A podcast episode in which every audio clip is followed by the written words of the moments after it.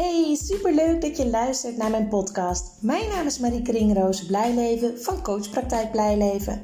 Ik ben motivatiespecialist voor tieners en hun ouders. In deze podcast geef ik informatie, inspiratie, tips en tools voor meer positiviteit in de puberteit.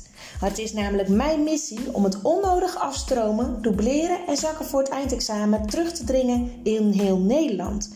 Ik weet inmiddels uit ervaring dat als het contact tussen ouder en tiener positief is, dat dat direct effect heeft op het welbevinden en de schoolresultaten van een tiener. Een motivatieprobleem is namelijk een gevolg, geen oorzaak. Enjoy!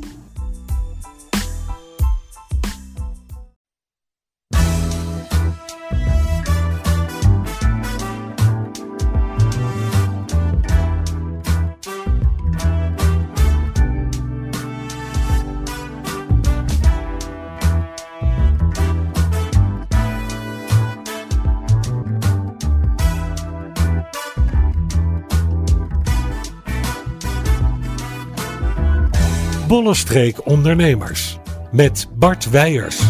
Goedenavond en welkom bij Bollestreek Ondernemers, het wekelijks programma bij de Omroep van de Bollestreek, waarin elke week een actieve ondernemer of onderneemster uit de Bollestreek centraal staat. Mijn naam is Bart Weijers en mijn gast vanavond is Marieke Blijleven van de coachpraktijk Blijleven in Lisse. Welkom. Dank u wel. Dank, leuk dat je er bent. Ja. Uh, mijn eerste vraag is bijna altijd, Marieke, Waar stond je wieg en wat is er pakweg de eerste 20 jaar gebeurd? Oké, okay. nou, uh, mijn wieg stond in Groningen. Kijk eens aan. Ja, ik ben in, uh, in Groningen geboren. En... Het is niet meer te horen. Uh, nee, dat, dat hoop ik. maar soms als ik met mijn familie bel of met vrienden uit Groningen, dan hoor je nog wel een accent okay. hoor. ja, en ik heb daar de, de basisschool, middelbare school gedaan en mijn studie, de ALO, Academie Lichamelijke Opvoeding, tot, uh, tot gymdocent. Mm En uh, ik heb dan ook 15 jaar in het voortgezet onderwijs uh, lesgegeven, lichamelijke opvoeding. Mm -hmm. En uiteindelijk ben ik naar het westen verhuisd door de liefde.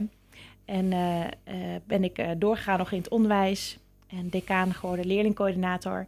En om lang verhaal kort te maken, uiteindelijk zelfstandig ondernemer met mijn coachpraktijk. Nou, kijk eens aan. Getrouwd, kindertjes? Ja, ik ben getrouwd uh, met Jordi Blijleven en uh, twee zoons. Kijk eens aan, in de leeftijd van? Uh, mijn oudste is 13 en de jongste is 8. Oh, oké. Okay. Dus dat worden, dat worden de komende puberjaren komen er een beetje aan. Ja, de oudste is al wel bezig. Oh, die is al bezig. Puber, hoor. maar het valt toch altijd mee, zeggen de ouders dan, toch? Zeker. Of, ja. ja, hij luistert mee hè, vanavond, denk ik. um, Marieke, als je jezelf in vijf woorden zou moeten omschrijven, welke kies je dan? Um, betrokken, um, gevoelig. en dat bedoel ik in de positieve zin gevoelig, dat ik, uh, dat ik uh, signalen snel oppik van, uh, van hoe een ander zich voelt, onder Mhm. andere. enthousiast, passievol en energiek. Nou, kijk eens aan. En als je ge zegt gevoelig, bedoel je dan sensitief? Ja. Ja, ja. Oké. Okay. loopt het je ook wel eens voor de voeten? In het verleden wel. Inmiddels kan ik er goed mee omgaan. Je, je, bent er, je hebt er mee leren omgaan. Zeker, ja. Oké. Okay. Um, ik heb ook wat uh, uh, persoonsgerichte tegenstellingen. Misschien zou je daar een keuze uit kunnen maken. Een ochtend- of een avondmens? Ochtend. S'avonds uh, op tijd het licht uit? Ja, zeker. sport of werk? Werk. Komt er nog iets van sport? Nou, ik heb toevallig volgende week uh, weer een sportafspraak staan. dus na een jaar niet zoveel en te wat houdt gedaan. dat in, een sportafspraak? Want... Ik ga uh, personal training uh, oh, volgen. oké. Okay, ja. En op een sportschool of zo? Hey, buiten. Oh, buiten. Oké. Okay. Familie of zaken? Familie. Geduldig of ongeduldig? Ongeduldig. Oké, hoe uitzicht dat? Nou, ongeduldig. Als ik iets wil, dan wil ik het direct op die manier vooral ongeduldig. Mm -hmm. uh, kijk, als ik echt op zakelijk vlak ben ik wel geduldig. Dat moet ook ik wel met zeggen, werk. Dat moet wel met jouw werk. ja, dus het is ook maar net op welk, uh, op welk vlak. Mm -hmm. uh, het is vooral als ik echt iets graag wil dat ik, eh, dat ik ongeduldig word. Oké. Okay. bergvogel of een geluksvogel? Geluksvogel. Ja, ik kan, kon me niet anders voorstellen dat dat er heel snel uit zou komen. we gaan zo dadelijk verder luisteren naar jouw verhaal, want dan gaan we wat meer jouw bedrijfsmatige, beroepsmatige leven in. Maar we gaan eerst even kijken wat voor muziek je meegenomen hebt. Mm -hmm.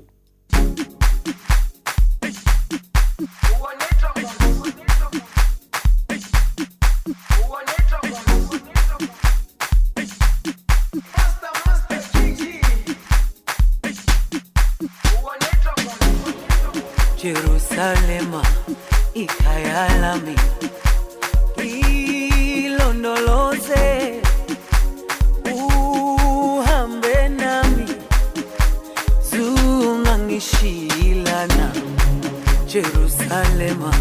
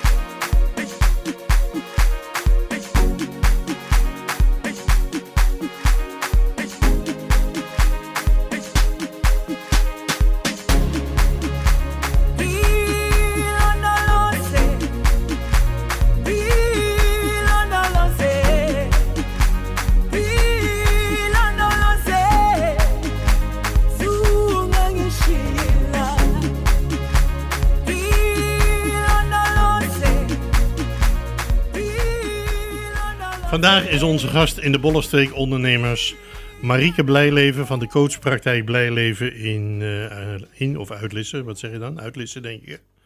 Ehm Groningse van geboorte. eh, gymdocenten geweest. Ja. Ehm, ook gymdocenten nog in de Wandstad geweest toen je al hier woonde. Ja. Wat deed je op enig moment besluiten iets anders te gaan doen? Ehm, nou, ik vind het sporten vind ik altijd al wel heel leuk. En met sport bezig zijn en ook met de, met de tieners bezig zijn heel leuk. Maar uiteindelijk, ehm, ja, ik zag zoveel gebeuren in de lessen. eh, bij, bij, bij leerlingen waar je dan toch niet genoeg mee kan. Op individu- individueel niveau, zeg maar. Ehm, ik, ik, wou ik wou dan, wat ik signaleerde, daar wilde ik wat mee. Dus uiteindelijk is dat de, eh, de beslissing, eh, heeft dat de beslissing, ge, ja, hoe zeg je dat? Voor de beslissing gezorgd. Ja, ja, dus- om, om te stoppen met het lesgeven. en wat eh, kwam je dan tegen, zoal? nou, onzekere tieners die niet lekker in hun vel zaten. ehm, gedoe tussen tieners onderling. verschillende ja, agressieve reacties naar, naar elkaar bijvoorbeeld. Dat soort zaken. Ja. En wat is de grootste gemene delen waarom ze niet lekker in hun vel zitten? Ik en dan sluit de, co- de COVID-tijd maar even over, want dat is weer een heel ander chapiter. Ja, terwijl dat wel heeft wel ervoor gezorgd dat motivatieproblematiek meer aandacht krijgt. Ja. Eh, terwijl de problematiek die er nu voor, heel erg aan de oppervlakte ligt, Mhm. bij mij in de praktijk ook voor de corona al Ja, precies, dat bedoel was. ik. Dat bedoel ik. Ja, dus de, ja, de onderliggende problematiek is, is eigenlijk gewoon het, het, de angst om te falen. Eh, motivatieproblematiek en faalangst zitten gewoon heel dicht bij elkaar. Mhm. Eh, en, en heel vaak het, het, het, het willen bewijzen, eh, laten zien dat ze, dat ze iets kunnen. Maar tegelijk dan bang zijn dat ze het dus niet voor elkaar gaan krijgen. En nou ja, er zit een verschil in twee type, type tieners. De ene tiener die eh, laat dan los, die stopt met werken. Want ja, dan kunnen ze altijd zeggen, ja, ik heb te weinig gedaan, maar ik kan het wel. En de andere tiener werkt zich juist helemaal over de kop. Ja, Dus Mhm. dat is eigenlijk de achterliggende oorzaak voornamelijk. De, de, de angst om iets niet te kunnen doen of Mhm. niet weten hoe ze het moeten doen. ja, ja. En, en waar komt die angst weer vandaan? Is dat ingeboren of is dat door maatschappelijke ontwikkelingen? Of Nou, heel vaak, eh, dit, is, dit is altijd wel een spannend om te zeggen, maar ik, ik zeg hem toch omdat ik het hem heel belangrijk vind. Het is, waarschijnlijk. nou, het is, het is heel vaak, eh, ouders spelen een hele belangrijke rol. Mhm. En eh, bij mij in de praktijk kom ik bijna bij al mijn klanten tegen dat ze eh, te maken hebben met een emotioneel afwezige vader. En dat bedoel ik eigenlijk helemaal niet oordelend naar de vaders toe, maar vooral dat, het, eh, dat vaders zo belangrijk zijn, naast de moeders natuurlijk, die ook Mhm. belangrijk zijn. Want van je vader krijg je grenzen mee en ambitie. En als jij te maken hebt met een emotioneel afwezige vader, dan mis jij de erkenning voor de helft van jouzelf als persoon. Mhm. En dan zoek je die erkenning op een andere manier door bijvoorbeeld heel erg goede resultaten te behalen. En als het niet lukt, dan ga je de erkenning ergens anders zoeken. En dat is vaak al het begin van motivatieproblematiek. Ja, ja. Nou is die, eh, die afwezigheid van vaders is de laatste decennia natuurlijk, althans natuurlijk, waarschijnlijk eh, grotendeels ingegeven doordat er veel gebroken huwelijken zijn. Nou, het hoeft, het hoeft niet per se zo te Ik zijn. wil zeggen, want vroeger, voor die tijd dat dat veel minder gebeurde, waren, de vader, waren vaders natuurlijk ook druk en, eh, en niet thuis. En, eh, Ja, het gaat niet eens zozeer om fysiek aanwezig. Het gaat echt om emotioneel beschikbaar zijn. Dus ook als ouders uit elkaar zijn, kan je nog wel een hele betrokken eh, vader zijn. Dus het Mhm. hoeft niet per definitie dan... nee, oké. nee, ik, ik generaliseer, dat realiseer ik. Ja. Uh-huh. Maar goed, en, er zijn natuurlijk toch, als je het ver, ik, probeer het vergelijk te trekken naar vroeger. Hè, dus wa- waar zit dan het verschil met vroeger, laten we het zo zeggen? Of was het vroeger zo dat die kinderen er ook waren, maar er was geen aandacht voor? En eh, doe maar gewoon, het komt wel goed en afijn, noem maar op. Nou, we horen heel vaak inderdaad dat het steeds erger wordt. Maar als je eigenlijk terugleest van jaren geleden, is er niet altijd even duidelijk een hele grote verandering. Mhm. Dus de vraag is, is er echt zo'n grote verandering? Of hebben we dat idee alleen maar? En zeggen we dat elke keer weer bij elke generatie van ja, nu is het echt allemaal veranderd. En wat is het antwoord daarop? Ik denk dus dat het niet heel erg is veranderd. Kwa- kwalitatief of kwantitatief? Allebei. Ja, ja. Dus dat zou betekenen dat het. eh, ik, ik, kan me best voorstellen dat het zo is hoor. Dat er in het verleden. eh, dat dat ook zowel kwantitatief als kwalitatief veel voorkwam. Maar vandaag de dag hebben we er veel meer aandacht voor waarschijnlijk. Ik denk dat dat het of belangrijkste er wordt veel meer is. aandacht voor gevraagd. Ja. Ja. Ja. En nu werken natuurlijk de moeders ook veel meer dan vroeger. Ja, dat is dat natuurlijk wel een verschil. Ja, dat is wel een verschil. Ja. Ja. Merk je dat daar ook nog een factor in zit, dat die moeders werken? Nee, eigenlijk niet. Eigenlijk niet. Nee, nee. Ik kom het niet tegen in mijn, in mijn gesprekken in ieder geval. Mhm. Nee, nee. Oké. Ehm, jouw doelgroep is dus. eh, dus je kwam. oh, je- Dan laat ik daar beginnen. Je kwam in je dagelijkse praktijk als. eh, hoe noem ik dat? Gymdocenten, denk ik. Ja. Kwam je dit soort zaken tegen. Ehm, en je dacht, daar, ga ik, daar wil ik iets aan doen, daar, daar wil ik iets mee. Ehm, ontwikkel je dan iets voor jezelf? Of is daar ook nog een soort opleiding voor? Nee, nou, er zit nog wel een heel stuk tussen hoor. Want toen ik ben gestopt met eh, docent lichamelijke opvoeding, ben ik decaan geworden en leerlingcoördinator. Dus dat zijn taken dus binnen de school nog steeds. Ja. En toen kreeg ik heel veel individuele gesprekken met ouders en leerlingen. En toen kreeg ik veel meer te maken met motivatieproblematiek. Eh, en daarbij heb ik ook eh, mijn oudste zoon eh, nog thuis met, met behoorlijk wat motivatieproblematiek, vooral in het verleden. Waardoor ik ook dacht van ja, hier, hier moet toch wat voor zijn. En eigenlijk die twee dingen samen, die hebben er uiteindelijk voor gezorgd dat ik een coachopleiding ben gaan doen met specialisatie jongeren. En ik paste dat al toe in het onderwijs eigenlijk, in de functies die ik toen had. En op den duur ben ik dus voor mezelf begonnen daarmee. Ja, Ehm, en, komt daar dan nog een soort studie bij te pas? Of is het iets wat je, nou ja, zeg maar, vanuit je gevoel zelf ontwikkelt? Ja, de opleiding, de coachopleiding. De coachopleiding, Met, eh, ja, ja. ja. Speciaal gericht op jongeren ook? Ja. Oké, Ja. hoe lang duurt dat? Eh, die voor mij was anderhalf jaar, maar je hebt er heel veel verschillende in. Dus daarnaast heb ik nog heel veel cursussen ook gedaan. En je hebt natuurlijk de basis van het onderwijs ook al eh, wat je meeneemt. Ja, ja. Hm. En dan komt er een moment dat je zegt van, nou, zeg mijn baan op. Ja, Of ging je eerst eh, beide doen? ja. Eerst ging ik beide doen. Dat is een beetje veilig, hè? En eh, ja, dat was een beetje veilig en het was ook niet zo'n strak plan. Want eh, dan, dan, je focust dan toch op datgene waar je je geld voor krijgt. Dat klinkt een beetje gek, maar Mhm. ik voelde zo'n grote verantwoordelijkheid nog naar de school toe... dat eigenlijk al mijn tijd daarheen ging. Dus ja, met mijn praktijk deed ik af en toe iets. Dus ik dacht, ja, wil ik hier succes van maken? Wil ik echt van betekenis Moet ik er los van zijn? komen? Dan moet ik het loskoppelen. Dus Oké. dat heb ik gedaan. En wanneer heb je dat gedaan? Per wanneer? Een half jaar later, dus dat is nu bijna drie jaar gel- twee jaar geleden. Tweeënhalf jaar geleden. Oké. En toen, hoe, hoe ging je dat aanpakken? Gelijk een kantoor openen of zo? Of, eh, Ja, ik heb alles eigenlijk in de verkeerde volgorde gedaan. Oh, Achteraf gezien. Eerst Kamer, Verkoophandel, Kamer Verkoophandel natuurlijk. En toen had ik een praktijkruimte in het Medisch Centrum Lisse. Ehm, en mijn website heb ik toen helemaal zelf gebouwd. En mijn logo en mijn naam bedacht. Ja, en toen moesten er nog klanten komen natuurlijk. Ja, ja. Maar dat, eh, gelukkig ging het redelijk snel. Dus, eh, de- En na hoe de- kom je aan die klanten? nou, nu krijg ik best wel veel via scholen doorgestuurd. Ik werk, werk nog steeds veel samen met scholen. eh, wat ik ook echt heel erg mooi vind om, eh, om te kunnen doen. Omdat je in de school kan je ook docenten en mentoren eh, op een andere manier leren kijken naar de leerlingen, naar de motivatieproblematiek. Waardoor jouw bijdrage blijvend is. Dat het dus eh, ja, eigenlijk binnen de school steeds meer verandert. Zodat de leerlingen met motivatieproblematiek de juiste begeleiding krijgen. Mhm. Ehm, dus daar krijg ik veel doorverwijzingen van. En, en ouders vinden mij ook tegenwoordig echt via Google gewoon. eh, Ja, ja. Oké. Ehm, en dan meldt zich zo'n kind, of juist een ouder, wie meldt zich? De ouder. Die meldt Ja. zich meestal. Ja. Die zegt, ik heb een kind en dat, dat is niet vooruit te branden. Ja.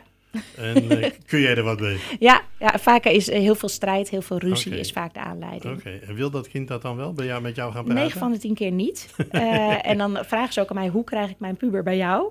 Dan zeg ik, nou, verplicht het kennismakingsgesprek. En, en vertel ze ook dat ze na het kennismakingsgesprek zelf mogen kiezen... of ze willen starten met een traject of niet. Oké, En eh, dat gaat eigenlijk altijd goed. oké. Ja, En kennismakingsgesprek is waarschijnlijk kostenvrij. sorry? Een, een kennismakingsgesprek is Ja, kostenvrij. ja, ja, dat is Dus gratis. dat is ja. redelijk onaf... eh, Ja. is niet verplichtend. Nee, En, eh, en dan heb je zo'n gesprek. En wat gebeurt er in zo'n eerste gesprek? In het kennismakingsgesprek? Eh, nou ja, ik, ik stel mezelf natuurlijk altijd even voor en dan vraag altijd of de tiener zelf wil uitleggen wat de reden is dat hij hier zit. En Mhm. als ik zie. Komt, hij, dat- komt hij of zij alleen? Nee, met de ouders. Oh, met de ouders. Ja, want dan zie je ook direct de interactie eh, tussen kind en ouders. Mhm. En als ik het aan het gezicht zie, dat is meestal bij tieners wel duidelijk eh, hoe ze het vinden om eh, in die stoel te zitten. Dan speel ik daar vaak op in. Dus dan zeg ik ook van nou, volgens mij moet jij hierheen van je ouders of niet? Ja, ja, ja. nou, dan praat ik, daar vraag ik dan een beetje op door. En uiteindelijk ja, wil ik ook van hun weten, snap je ook waarom je ouders je meenemen hierheen? Of, of snap je er helemaal niks van? Mhm. En dan krijg je al heel snel eigenlijk duidelijk van waar ontstaat de strijd door en waar gaat het mis. Mhm. En dan eh, En waar gaat het meestal mis? heel vaak de communicatie. Het, het eh, van ouders uit machteloos voelen eh, richting de tiener. Dat ze zien wat hij nodig heeft, maar dat het kind niks accepteert. hè. In Mhm. de tienersleeftijd willen ze zelfs, ja, zelf meer beslissingen mogen maken. Ehm, en, en dan gaan ze tegen elkaar praten in plaats van met elkaar. Dus Mhm. allebei zijn ze bezig met het ja, vullen van hun eigen behoeftes. En Mhm. staan niet open voor de ander. Ja, en dan kom je niet bij elkaar. Ja, hoe lang duurt zo'n eerste gesprek? Maximaal een uur. Oké. Ehm, even denken, er zat net nog een vraag in mijn hoofd, maar nou ben ik hem kwijt. Ehm, en nou, ik, ik kom er zo wel weer op, maar eh, dan eh, na een uur zeg je van, nou, zullen we er iets mee gaan doen? Of, eh, nee, ik weet al wat ik vragen wilde. Ik was de vraag even kwijt, sorry. Ehm, is het altijd schoolgerelateerd? Nee, de aanleiding vaak wel. Ja, Eh, dus of veel ruzie thuis over school, ja. of slechte cijfers, of Ja. ze doen niks voor school. mhm. Maar de oorzaak zit nou heel vaak niet bij school. Ja, ja, oké. En waar zit het dan wel? Maar heel vaak dus, eh, wat ik heel veel tegenkom, is relatieproblematiek tussen ouders. Wat Tussen bepaalde- ouders onderling. Ja, Ja. wat bepaalde spanningen oplevert. De en, een eh, vindt we gaan rechtsaf en de ander vindt we gaan linksaf. Ja, dat ook inderdaad. Maar ook een kort lontje, dus feller reageren, met een andere stijl van opvoeden, waardoor het meer botst. Ehm, dat kom ik echt heel veel tegen. Onzekerheid eh, zit er ook vaak in. eh, zich niet begrepen voelen. Ehm, ja. Mhm. We gaan zo dadelijk verder luisteren naar het verhaal van Marieke Blijleven.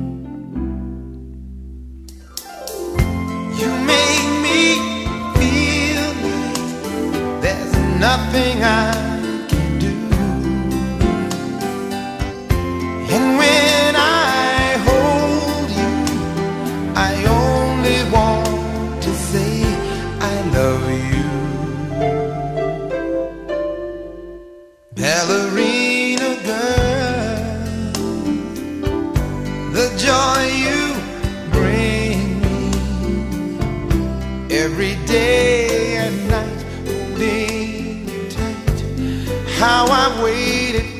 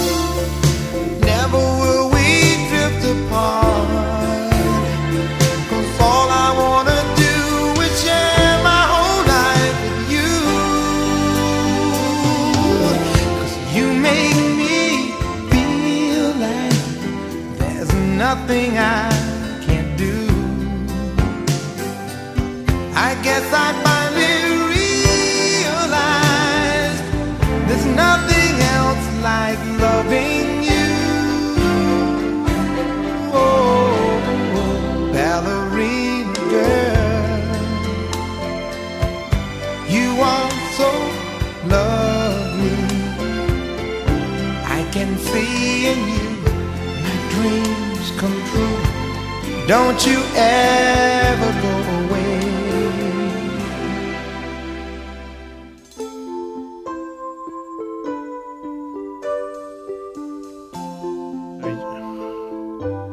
Ballerina girl.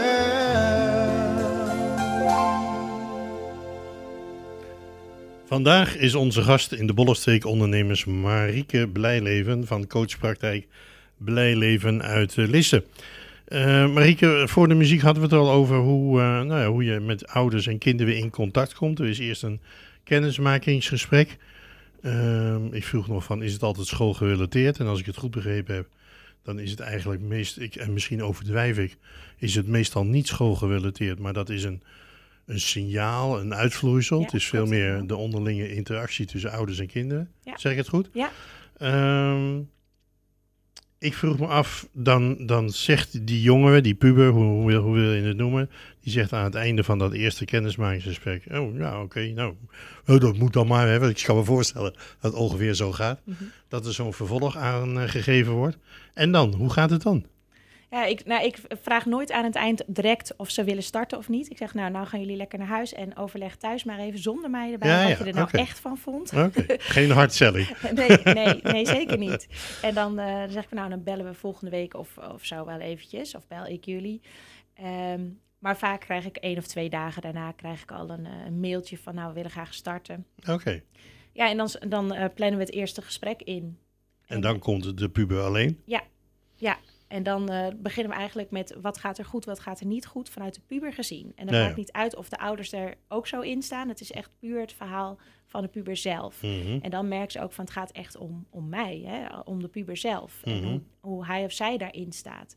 En dan gaan we kijken van hoe, hoe kijk je tegen je wereld aan? Wie zijn belangrijke personen voor jou en waarom? En Mhm. waar loop je tegenaan? En vooral natuurlijk, waar wil je naartoe werken uiteindelijk? Ja, ja. En dat is per situatie verschillend, hoewel er ongetwijfeld wel veel herkennings... Hè, bij meerdere gesprekken herkenningspunten in zitten. Ja. Dat kan ik me zo voorstellen. Ehm, en daar haak jij dan op in door jouw mening, jouw visie erop te geven, moet ik het zo zien? Nou nee, ik geef eigenlijk niet mijn mening. Ik ben vooral heel erg benieuwd naar de mening van de tiener zelf. Dus ik stel juist vragen om hun aan het denken te zetten, het puberbrein aan te zetten, zodat zij bij zichzelf nagaan van, oh ja, hoe kijk ik daar eigenlijk tegenaan? En waarom zie ik dat zo? En, en, en hoe zou ik het willen? Soms weten ze, en dat kom ik best veel tegen, helemaal niet waar ze naartoe willen werken. Nee, nee. Ja, hoe, hoe weet je wat je moet doen nu qua verandering, qua gedrag en, Mhm. enzovoort, als je niet eens weet waar je naartoe wil werken? Maar je stelt wat vragen. Eh, Nogmaals, dat vragen moet dan wellicht eh, tot nadenken gaan leiden. Ja. Eh, maar geef je ze ook nog iets mee in de zin van, al was misschien dingen om, om over na te denken voor het weer volgende gesprek? Ja, dat gaat eigenlijk automatisch door de vraagstellingen. Ja, ja. Eh, ja.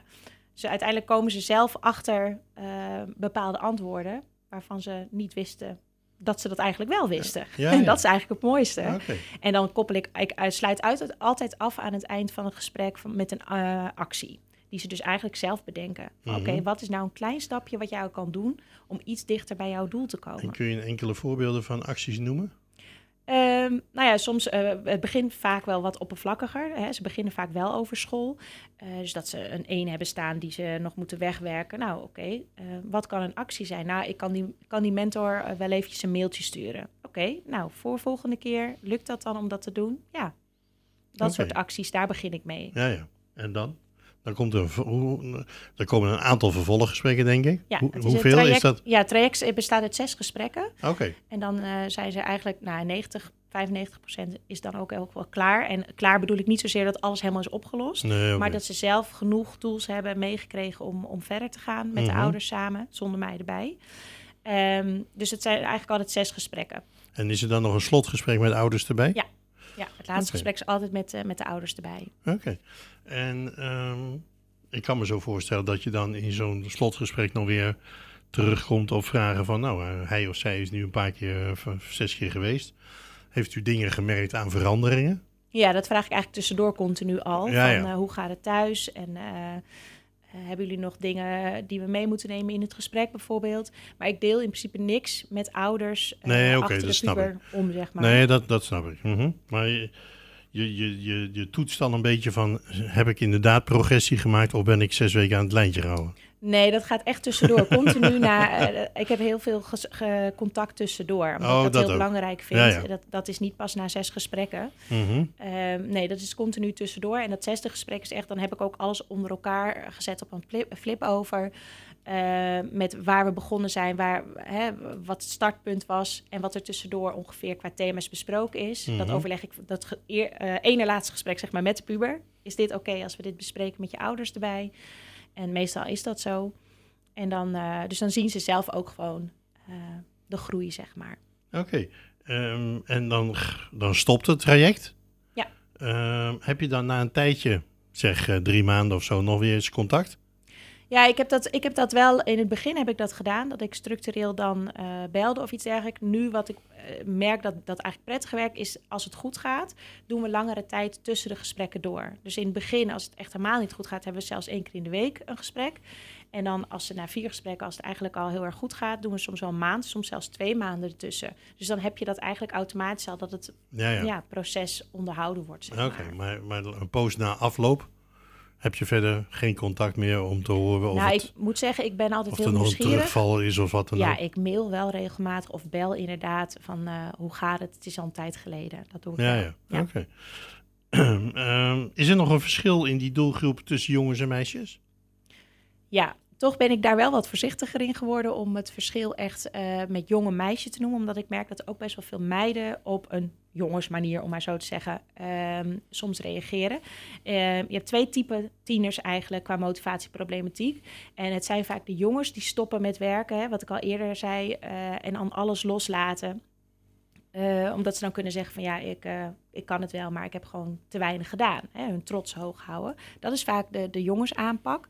En de meiden bijten zich vaak wat meer vast en werken zich over de kop en soms echt tegen ons- overspannenheid of burn-out aan. Mhm. Maar het is dus niet zo zwart-wit jongens-meisjes, maar ik zie wel dat duidelijke verschil tussen die ja. twee groepen.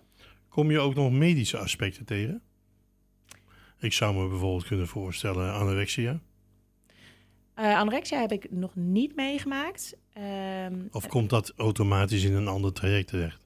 Dat denk ik wel ja. eigenlijk. Want eh, ik heb wel een ja, het selectie klinkt wel heel streng, maar ik, ik scan wel van tevoren in het kennismakingsgesprek. Oké, past dit bij wat ik kan hè, qua specialisatie of hebben ze andere hulp nodig? Mhm. En als ik signaleer van ja, dit is niet wat bij mij in de praktijk hoort, dan verwijs ik ze door naar een andere specialist. Ja, ja, oké.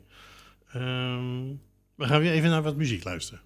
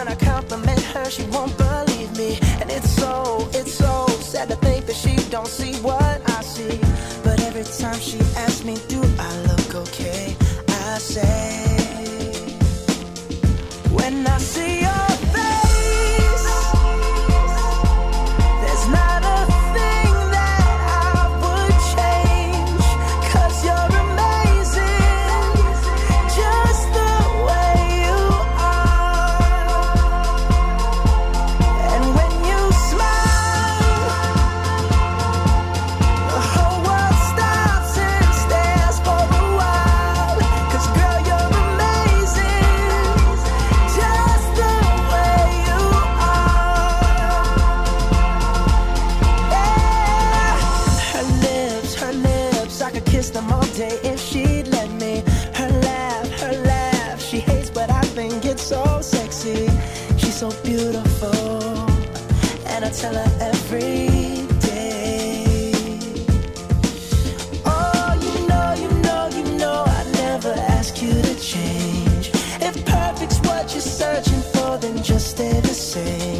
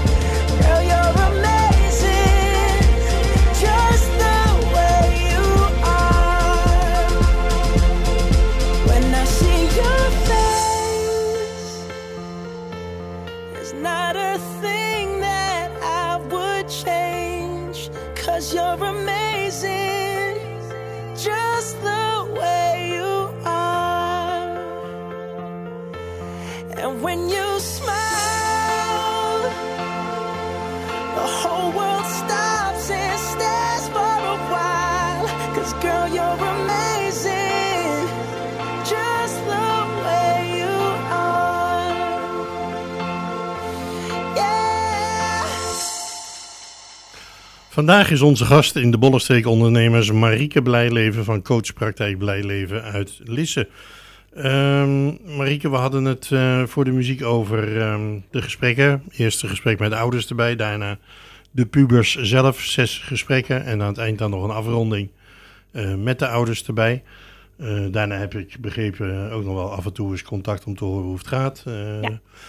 eh, doe je dit altijd individueel of zijn er ook nog groepsaanpakken? Ja, ik, heb, eh, ik werk veel samen met scholen en eh, daar doe ik vaak eh, groepsworkshops en eh, niet hele klassen. Heb ik in het begin gedaan, maar dat is gewoon, daar kan, kan je niet de diepte in. Eh, dus maximaal acht zitten dan in een groepje. En die worden dan geselecteerd door wellicht de school? Door de mentoren vaak. Zo ja. van, dit is wel iemand die eh, daar eh, ja, behoefte aan zou kunnen hebben... of waar dat zinvol voor zou kunnen Ja. zijn. Het komt vaak in rapportvergaderingen naar voren bijvoorbeeld. Dat zijn dan vanuit de pubers vrijwillige bijeenkomsten, denk ik. Want het is geen schoolklas, les. Ja, het is onder schooltijd. Oh, dat wel. Ja. Dus ze zijn wel min of meer verplicht om erbij Ja. aanwezig te zijn. Ja. En is de, de, de- dan begint het ook met een soort kennismaking? Maar dan is het een- meer een kringgesprek dat ieder zijn verhaal doet of zo? Nee, ik, ik werk al aan de hand van een reader. Eh, gewoon als leidraad, zeg maar, door, door de hele bijeenkomst eh, heen. Het zijn twee, eh, twee uren, twee klokuren. En we doen inderdaad even een kort voorstelrondje van... nou, wat is de reden dat je in deze groep zit, denk je? Want soms weten ze dat helemaal niet. Of vinden ze het onterecht, of wat dan ook. Mhm. En eh, dan ga ik aan de hand van die reader stapsgewijs eh, langs allerlei thema's. Onder andere eh, je eigen verantwoordelijkheid en de invloed die je zelf hebt. Zo leg ik ze bijvoorbeeld uit dat 10% in dit leven overkomt je. Daar heb je Mhm. geen invloed op. Maar 90% is hoe jij op die 10% reageert en hoe jij ermee omgaat. En hoeveel invloed jij eigenlijk hebt op je leven. Mhm. En ook op als je een slechte docent hebt, kan je heel erg blijven wijzen. Maar je kan ook verantwoordelijkheid pakken. Oké, ik snap het niet door mijn docent. Ik ga op zoek naar iemand die het mij anders kan uitleggen, bijvoorbeeld. Ja. Ehm, ik zat me nog te bedenken, eh, we gaan er natuurlijk altijd vanuit dat dit soort bijeenkomsten, groepsgewijs of individueel, dat dat succesvol is. Maar er zullen ook, eh, dat het niet van de grond komt. Ehm, nou, nou wat, wat zo is, eh, moet ik even goed nadenken.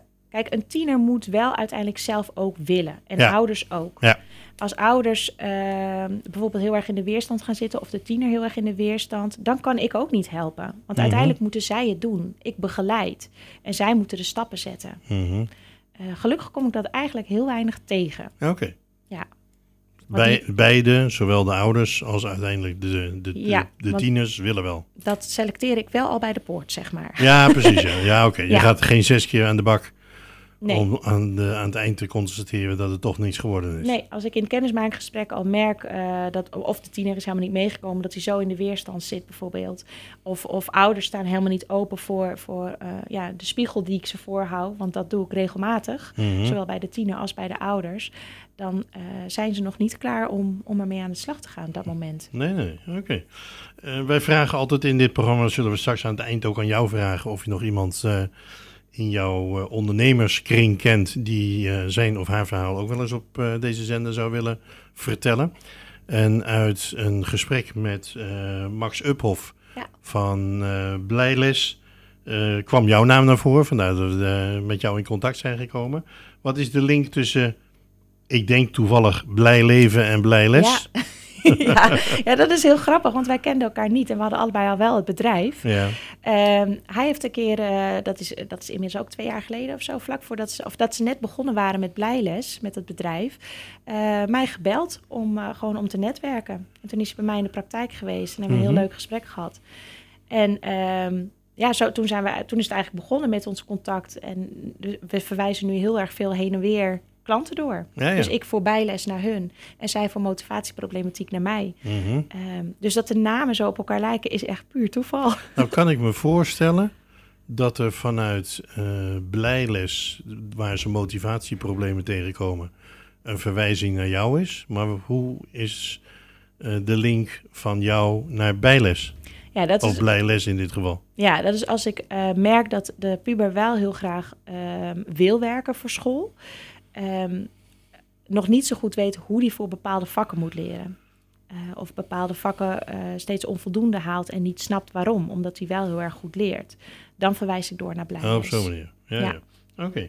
Dan heb ik ergens op jouw website, denk ik, ook gelezen dat je een podcast maakt. Ja, dat klopt. Drie keer per week. Drie keer per week nog wel, kijk Ja. eens aan. Hoe lang doe je dat al? Eh, sinds november. Oké, en waar gaan die zoal over? Ja, het zal over eh, de coachpraktijk gaan en niet over eh, tuinieren, om maar eens wat te noemen. Nee, het gaat inderdaad over, over de puberteit, de Ja. pubers en, eh, en de opvoeding van pubers. Eh, ja, dat eigenlijk. Oké, Ja, veel tips, tools, inzichten, inspiratie uit mijn, uit mijn praktijk, ook uit mijn eigen gezinsleven. Ehm, om, om op een hele laagdrempelige manier zoveel mogelijk ouders eh, landelijk eigenlijk te kunnen inspireren om, om positiviteit terug te vinden in de puberteit. ja, ja. Dat doe je thuis, op kantoor? eh, Overal. op In de auto, Oh, onderweg, als ik buiten wandel. Daar kun je, op je kunt het op alle plekken maken. Ja, ik, eh, ik doe het gewoon met oortjes in, met mijn telefoon. Ja. En een microfoontje. En dus het geluid, is niet in. altijd, ja, het geluid is niet zo perfect als nu vandaag eh, bij dit interview. maar goed genoeg. Het gaat bij mij echt om de boodschap. Oké, en Ja. dan staat het op de bekende podcastkanalen of zo? Ja, Zoals Spotify, Spotify. iTunes. Onder ja. welke naam? Marieke Ringroos Blijleven. Oké, Ja. dan kunnen mensen het daar eh, vinden. Ik noem het steeds Blijleven, maar jij zegt er nu terecht bij Ring. Ja, Ringrozen, dat is mijn meisjesnaam. Ja. En Blijleven is mijn aangetrouwde naam. En Blijleven, dat, zo heb ik, daar heb ik mijn praktijk dus ook naar vernoemd. Dus die Uh-huh. naam heb ik achter mijn eigen naam geplakt. Je hebt groot, ge- je hebt, je hebt groot geleefd. Mijn vrouw zegt altijd, als ik nu zou trouwen, zou ik niet eh, een eh, mannennaam meer aannemen. En volgens mij heeft ze gewoon gelijk ook. maar dat was nu eenmaal vroeger zo, hè? Ja, ja. En kennelijk ook nog in jouw tijd, hoewel je een stuk jonger bent dan ik. Goed, ehm, we gaan nog even naar een stukje muziek luisteren. Want je hebt zulke mooie...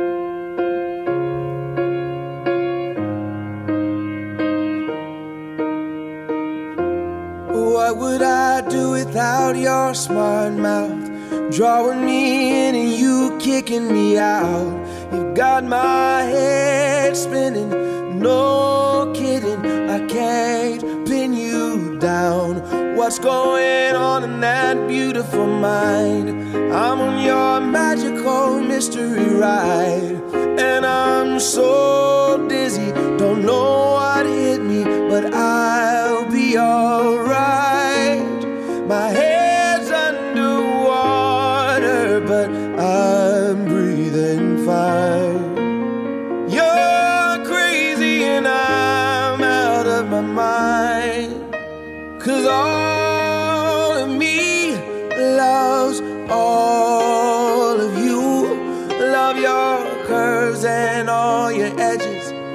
all your perfect imperfections.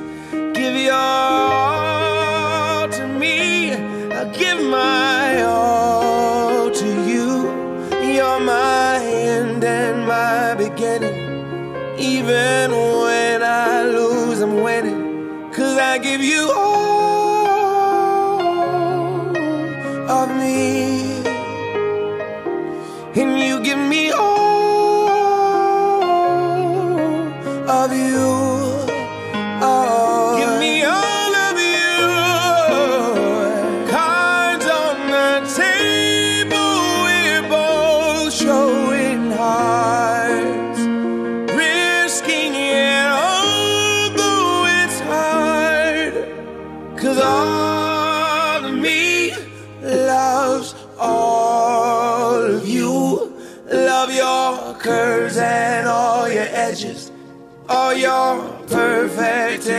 imperfections give your all to me I'll give my all to you you're my end and my beginning.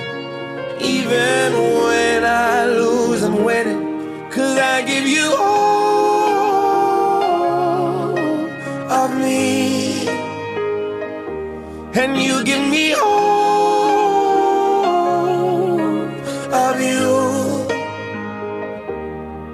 give you all of me. And you give me all of you. Oh. Vandaag is onze gast in eh, de Bollesteek ondernemers Marieke Blijleven van coachpraktijk Blijleven uit eh, Lisse. Eh, Marieke, we hebben het uitgebreid over eh, nou, zowel jou als persoon als eh, jouw, jouw werkzaamheden met coaching van pubers, van tieners. Wat er allemaal bij komt kijken. Maar je bent natuurlijk ook gewoon ondernemer. Ja. Ehm, en ik laat ik beginnen. Ik heb wat bedrijfsgewichte tegenstellingen. Misschien zou je weer je keuze willen maken. Mhm. Formeel of informeel? Informeel. Offensief of defensief? Offensief. Waar bestaat dat uit? Ja, weet je, ik, ik, ehm, ik moet direct een beetje denken aan de vraag, ehm, de waarom-vragen, dat je die eigenlijk niet moet doen. Als je waarom-vragen stelt, dan gaat Mhm. iemand zich verdedigen. Dus als je dan moet kiezen, verdediging, dat is altijd meer een zelfbescherming. Daardoor Mhm. zeg ik eigenlijk dat antwoord. Ja, ja. Oké. Eh, ga- waar gedij je het beste bij? Chaos of regelmaat? Regelmaat. Ja, ik kan het me voorstellen. Maar eh, ja, mondeling of schriftelijk. Ik denk dat veel mondeling is bij jou Ja. natuurlijk. Ja. Wordt er wel ook altijd een verslag gemaakt? Jazeker. Oké. Ja. Wat, me, wat me er straks nog door het hoofd heen speelde, eh, het traject zal ongetwijfeld kosten met zich meebrengen. Zijn die voor rekening van de ouders of zijn daar nog verzekeringen, uitkeringen, weet ik veel wat voor? Nee, ik, heb, ik kies er bewust voor om het niet te laten vergoeden. Eh, en de reden daarvoor is omdat ik merk dat als ouders eh, moeten investeren, dat ze ook veel meer uit het traject Meer halen. omdat. Ze veel, ja, Ja, ja. Ja. Oké. Maar er zijn wel regelingen, dus begrijp ik uit die formulering. Eh, als ik zou willen, zou ik, me, zou ik daar eh, veel voor kunnen doen Ja, ja. om het mogelijk te maken, nee, zeg maar. Heel goed. Ja, heel goed. Duur of goedkoop? Och jeetje, Ja, dat is wel leuk, hè? dan Zeker- zou ik eerder voor duur gaan. Ja. Want goedkoop doe je ook jezelf tekort. eh, of de ander juist. Nee, precies. Ik wou wat toelichting hoor, maar die komt, die, die, die komt al. Zoals gezegd, je bent ook eh, ondernemer. Wat vind je lastig bij ondernemen? Eh, nou, dat, dat wisselende inkomen heb ik heel erg aan moeten wennen. Ik heb natuurlijk altijd in loondienst gezeten. Ja. En eh, of je nou ziek was, vakantie had, het maakte allemaal niet uit. Je kreeg altijd standaard hetzelfde bedrag op je rekening. Mhm. En dat is nu niet meer zo. Nee. Nee, als je een dag niet werkt, dan is het er niet. Nee, precies. Ik hoor het van mijn oudste dochter ook wel eens. Die is uh, mensendik-therapeut. En ja, dan op de een of andere manier is er een dag dat er niet gewerkt kan worden. Ja, is het ook een dag niet, Ja. geen inkomen. ja. Ehm, maar goed, daar moest je erg aan wennen. Ehm, wat is het moeilijkste wat je tot nu toe bent tegengekomen? Oeh, jeetje. Het moeilijkste wat ik ben tegengekomen. Ik denk toch wel echt het vertrouwen hebben ehm, dat je uiteindelijk een ondernemer, eh, een, go- een goede ondernemer wordt, zeg maar. In het begin is alles nieuw. Je schrijft dus op vertrouwen in jezelf. Ja, dat denk ik wel. Helemaal in het begin was het echt wel van met boekhouding als ik wist allemaal, ik wist helemaal niks. Nee. Ik moet alles opnieuw. eh, Ben je BTW gerelateerd? ik moet, ja, ik moet BTW moet ik afdragen. Ja, ja, Ja. oké. Dus, dus de ouders moeten in hun fee ook eh, BTW... Ja. ja, ja oké. Ehm, ik zou haast zeggen, vertrouwen in jezelf. Het veel te zwaar aangezet, en zo bedoel ik het niet. Maar je riep dus straks een keer het woord faalangsten. Ja, heb je ook een coach? Is zeker. Ja, ja. Ja, ik heb een business coach. En dat zou ik ook echt alle ondernemers aanraden. Mhm. Eh, want het is natuurlijk altijd zo, je staat zelf dan altijd klaar voor anderen. Ja. Maar je, je moet ook jezelf in de gaten houden. Zeker, Ja. zeker. En daar spreek je regelmatig mee door. Ja. Wat kom ik tegen? Ja, en waar zit, ligt mijn focus? Ja, En ehm, waar moet ik me niet door laten afleiden? Waar Ja. mag ik wel wat meer aandacht eh, aan Ja. geven, inderdaad? Heel goed, heel Ja. goed. Ehm, we naderen een beetje het einde van het programma, eh Marieke. En ik heb dan altijd nog een paar slotvragen. Ehm, zijn er nog tips die je hebt voor collega-ondernemers? Nou, eh, sowieso wat ik net eigenlijk al zei over mezelf met de coach. Ja. Ik zou echt adviseren om een business coach in de arm te nemen. Ehm, en eentje waar je goede verhalen over hoort. eh, zodat je echt weet wat, wat vers- verstandige keuzes zijn. Hè, wat ik al zei, ik heb alles verkeerd omgedaan. Is verder niet fout of zo, maar ik had efficiënter kunnen werken, laat ik het zo zeggen. Mhm. Dus dat zou ik echt wel ondernemers mee willen geven. En vertrouwen hebben in jezelf. Dat als jij echt vertrouwt op jouw dienst en of product, Mhm. dan, dan gaat het lukken. Ja, klanten komen min of meer vanzelf naar je toe?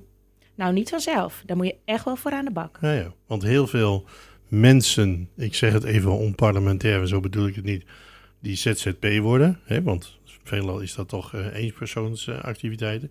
die zijn vaak heel goed in hun werk. Maar ja, dan komt er nog een heleboel bij kijken. Ja. Bijvoorbeeld klanten binnenhalen. Ja, nou ja, en dat is precies waarom ik een business coach zou, zou aanraden. Mhm.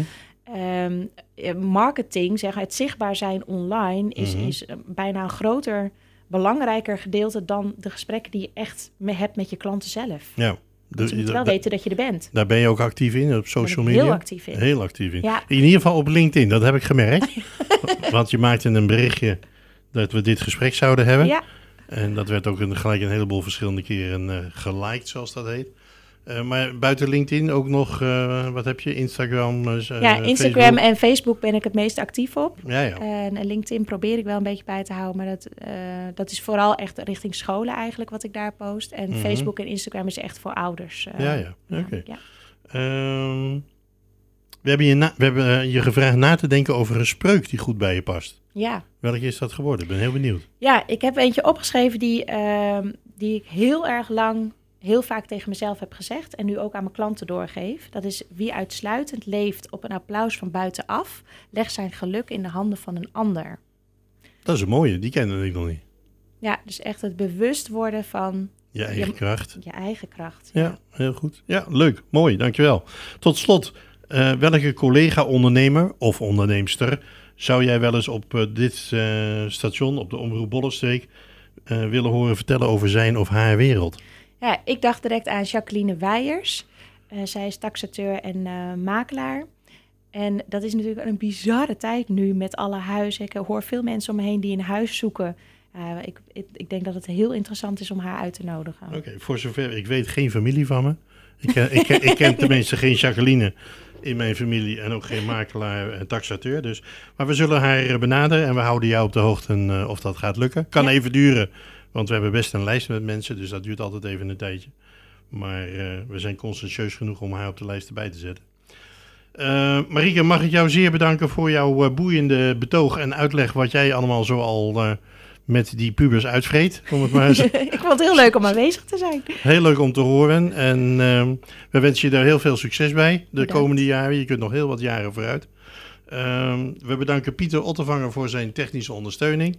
Dit programma wordt herhaald op eh, woensdagavond om 7 uur. En volgende week zondag zijn we er weer met een, goede, sorry, met een nieuwe gast. En we wensen u een plezierige avond.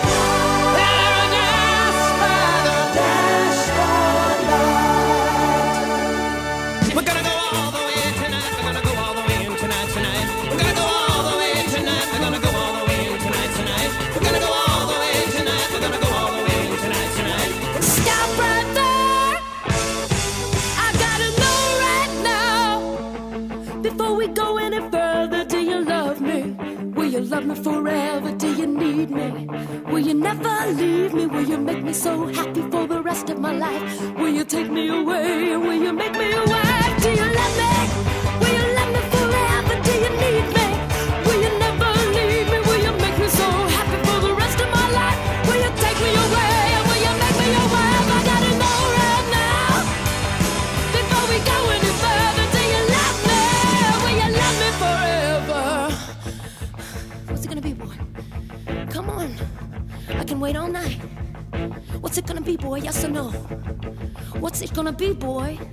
yes or no. Let me sleep on it, baby, baby. Let me sleep on it. Let me sleep on it. I'll give you an answer in the morning. Let me sleep on it, baby, baby. Let me sleep on it. Well, let me sleep on it.